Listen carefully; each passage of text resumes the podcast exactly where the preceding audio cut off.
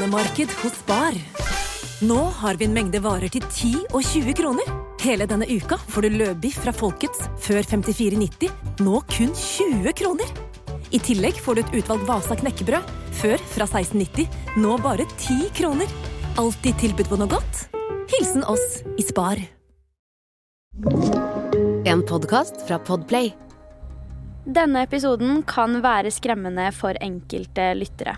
Om du er yngre eller sensitiv til drap, forsvinning eller beskrivelser rundt slike hendelser, så anbefaler vi at du lytter til episoden med noen du stoler på, eller skrur av.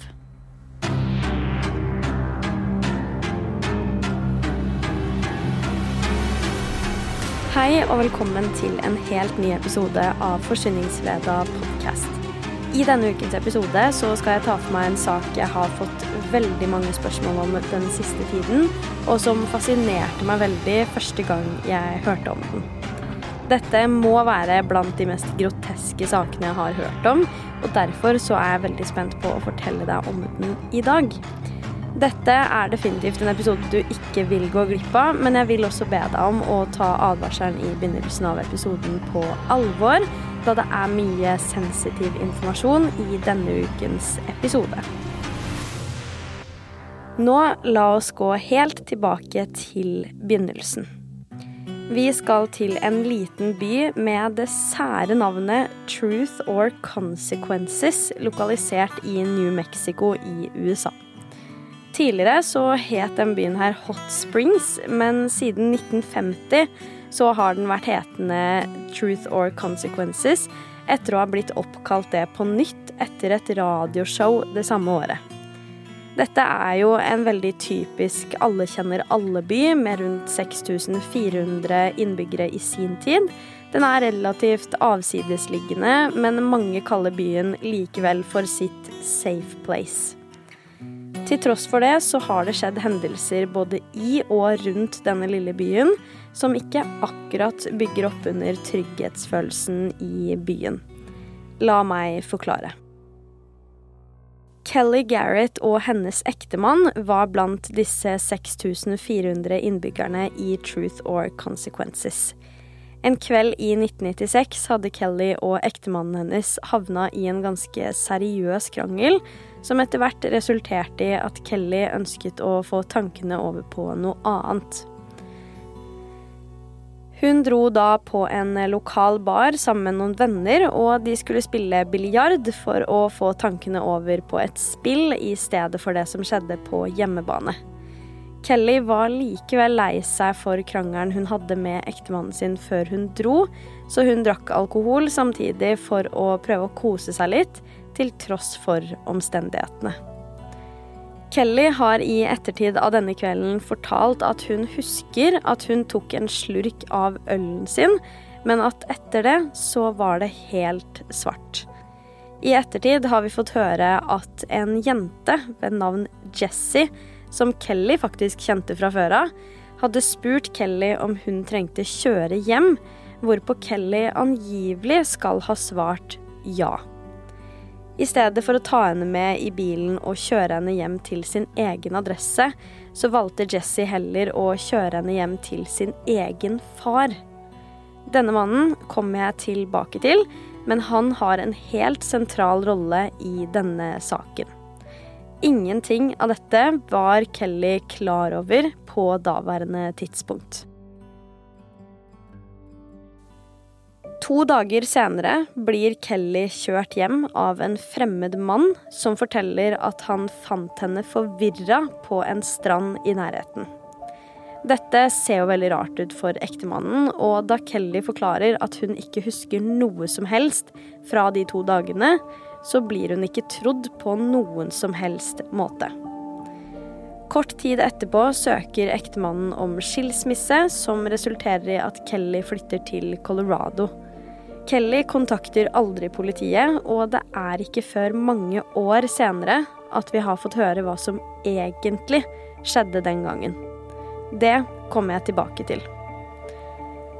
Dette er det som regnes som den første hendelsen i denne saken, men la oss spole tiden frem til den siste dokumenterte hendelsen, For det er nemlig da alle disse tidligere hendelsene endelig kommer frem i lyset.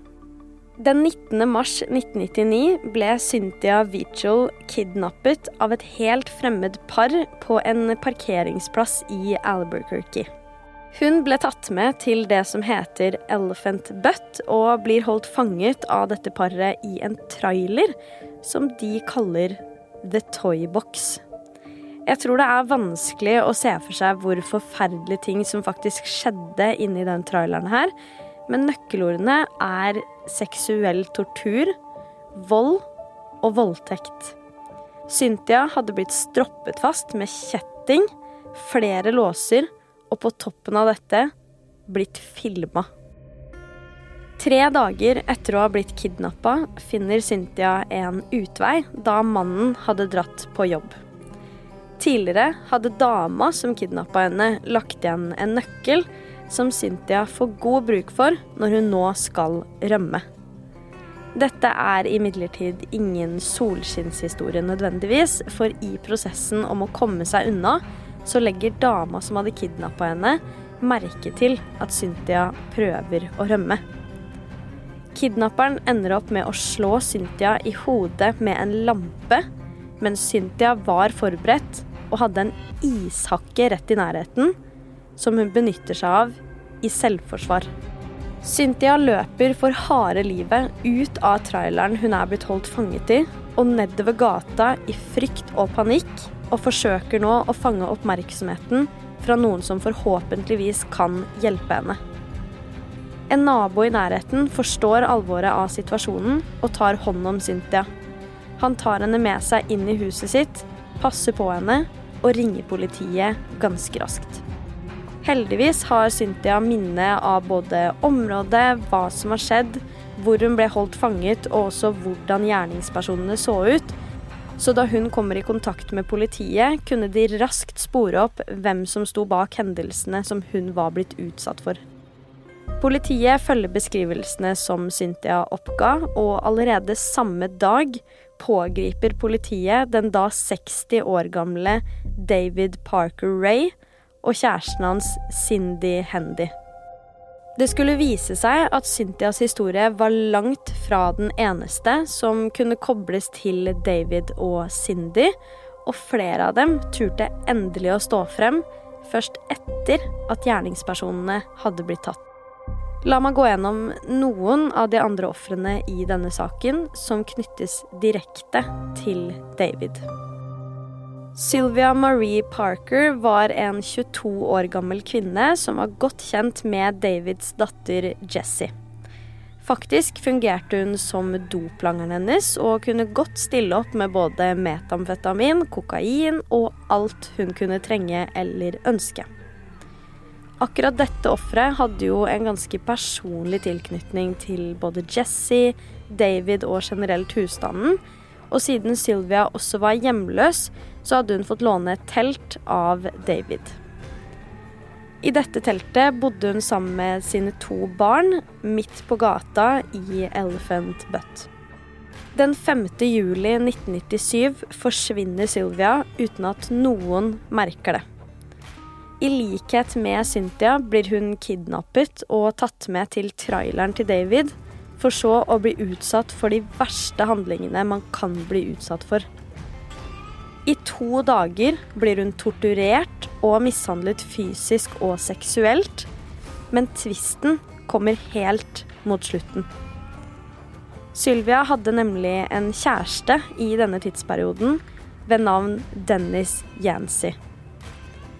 For meg så er det helt umulig å sette seg inn i den forferdelige følelsen Sylvia må ha hatt når hun innser at hennes egen kjæreste også befinner seg i denne traileren, men ikke som et offer. Etter å ha gjennomgått flere dager med tortur ender Dennis opp med å bli tvunget av David til å selv kvele kjæresten sin til døde foran øynene på både David og Cindy. Altså, Jeg syns virkelig ikke dette her høres ekte ut engang, og hele situasjonen er bare helt forferdelig hjerteskjærende. Dennis endte opp med å gå til politiet kort tid etter hendelsen for å fortelle hva som hadde skjedd, og også for å fortelle at han, David og Cindy hadde dumpa liket et sted i området. Hit hadde han planer om å ta med politiet også, men da de kom dit, innså de at liket hadde blitt flytta på. Både Dennis og politiet deler samme teori om akkurat det.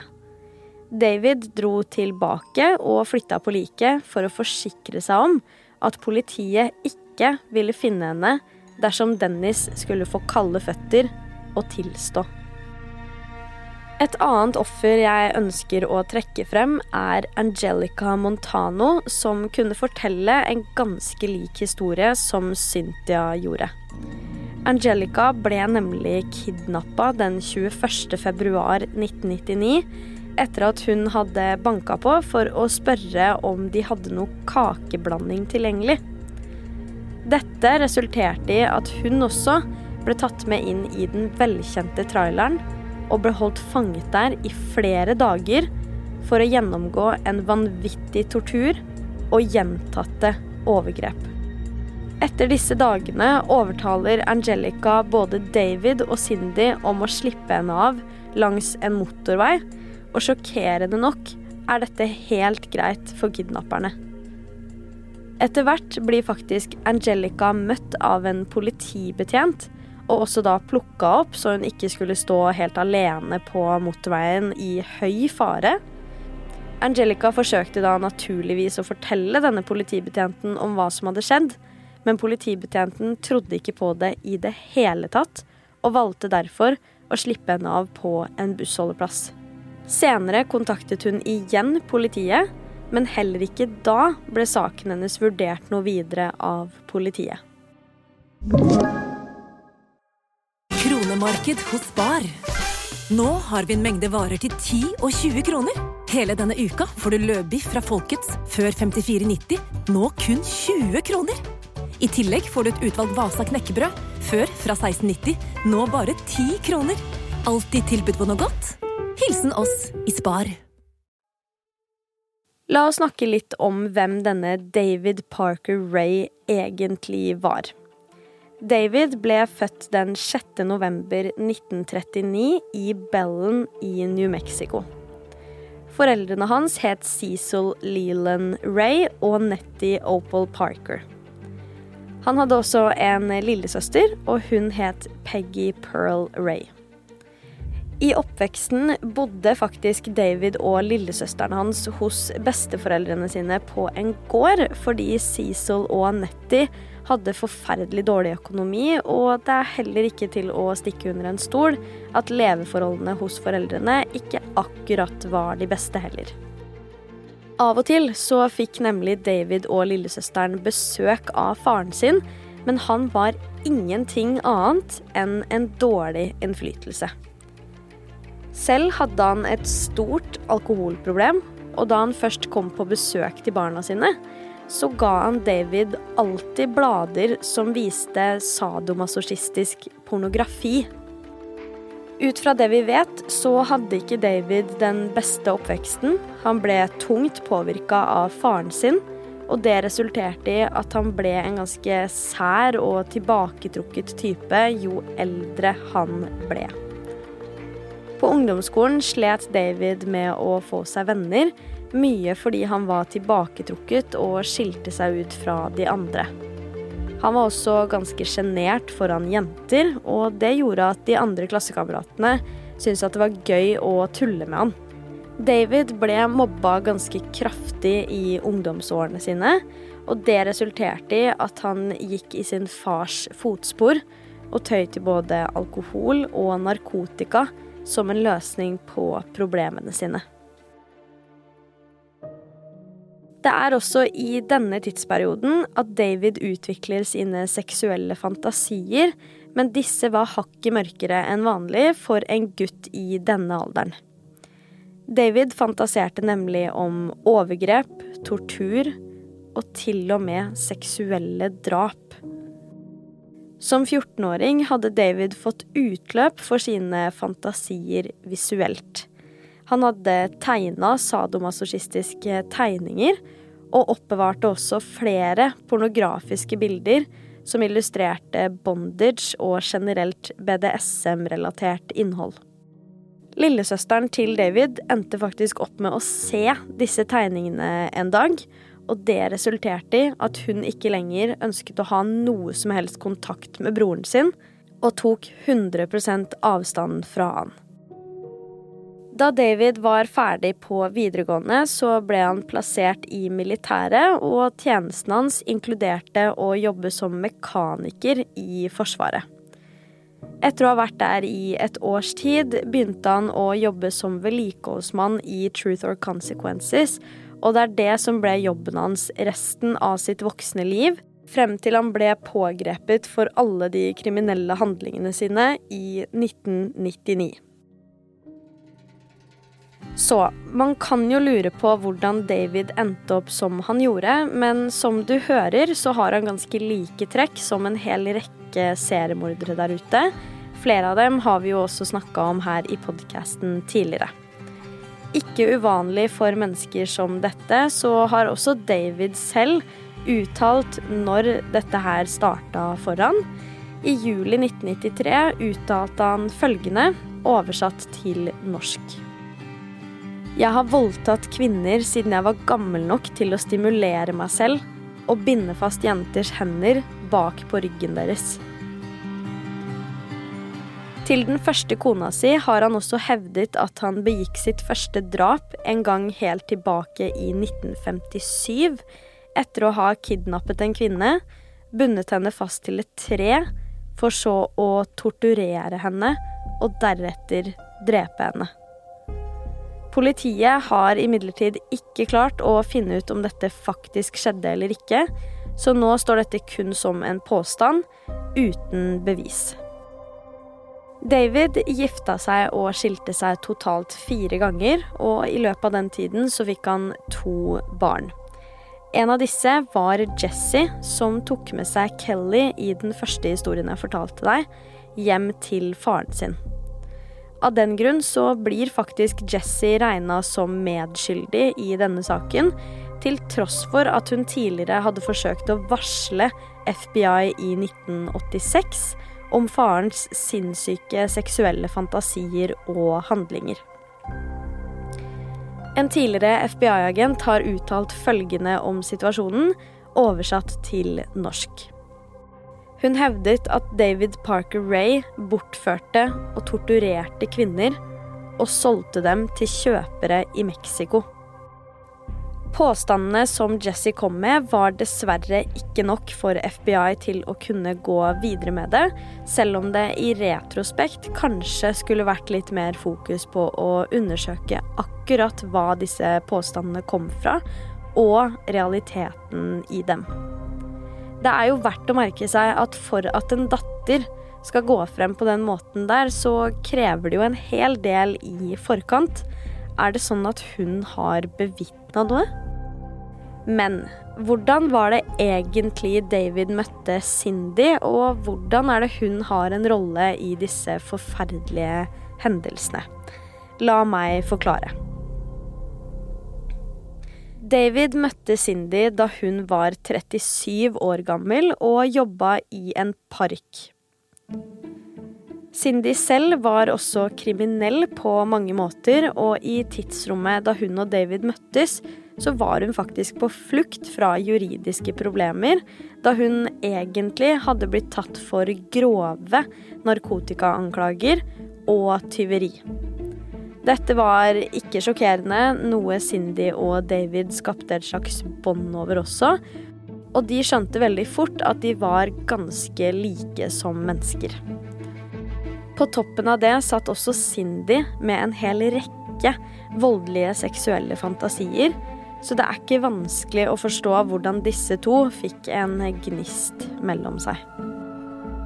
Det er ingen tvil om at David og Cindy var en duo man sjelden ser maken til, og alt som ble avdekka i etterforskningen, er forstyrrende på alle mulige måter. Vi fikk nemlig vite at David hele veien hadde filmet ofrene sine gjennom disse helt forferdelige handlingene. Og det er også på den måten at politiet klarte å avdekke hvor mange ofre han hadde hatt, selv om de antar at det var enda flere. I forbindelse med det så er det et lydklipp jeg gjerne vil vise deg, men jeg må advare deg på forhånd. Dette lydklippet er grafisk. Hello there, bitch. Are you comfortable right now? I doubt it. Wrists and ankles chained, gagged, probably blindfolded. You are disoriented and scared too, I would imagine. Perfectly normal under the circumstances. For a little while, at least, you need to get your shit together and listen to this tape. I'm going to tell you, in detail, why you have been kidnapped, what's going to happen to you, and how long you'll be here. I don't know the details of your capture because this tape is being created July 23rd, 1993 as a general advisory tape for future female captives. And you're not gonna like it a fucking bit. But I don't give a big rat's ass about that. Så for alle disse handlingene og sannsynligheten for flere av dem, så blir David til slutt dømt for tortur og kidnapping og får 224 år i fengsel. Politiet de klarte aldri å bevise at han hadde tatt livet av noen, til tross for at han hevder dette selv. Cindy Hendy på den andre siden endte opp med å bli dømt til 36 år i fengsel for sin involvering i saken. Men før disse 36 årene hadde gått, så ble faktisk Cindy løslatt fra fengsel i 2019. Så som du skjønner, så er dette her blant de mest groteske og grafiske sakene jeg tror vi noensinne har dekka i denne podkasten, og derfor så er jeg veldig nysgjerrig på å høre hva du tenker om akkurat den saken her. Så dersom du har noen tanker, følelser eller meninger, så send det gjerne inn til meg på Instagram, der jeg heter Forsvinningsfredag. Du har hørt Forsvinningsfredag podkast med meg, Sara Høydahl. Tusen takk for at du har lytta til episoden. Vi er tilbake med en helt ny en allerede neste fredag, og i mellomtiden, ta vare på deg selv.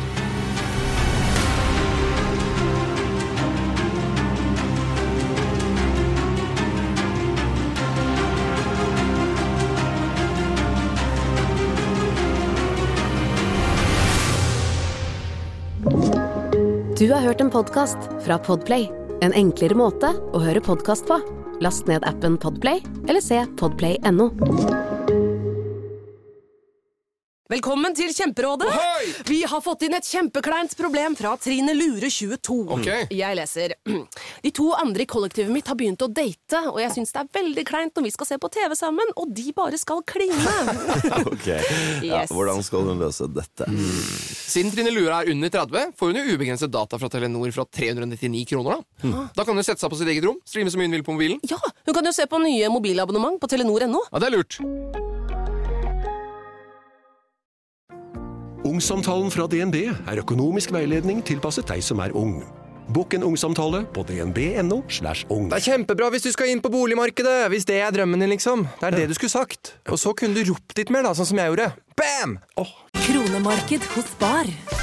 Nå har vi en mengde varer til 10 og 20 kroner. Hele denne uka får du løbiff fra Folkets før 54,90, nå kun 20 kroner.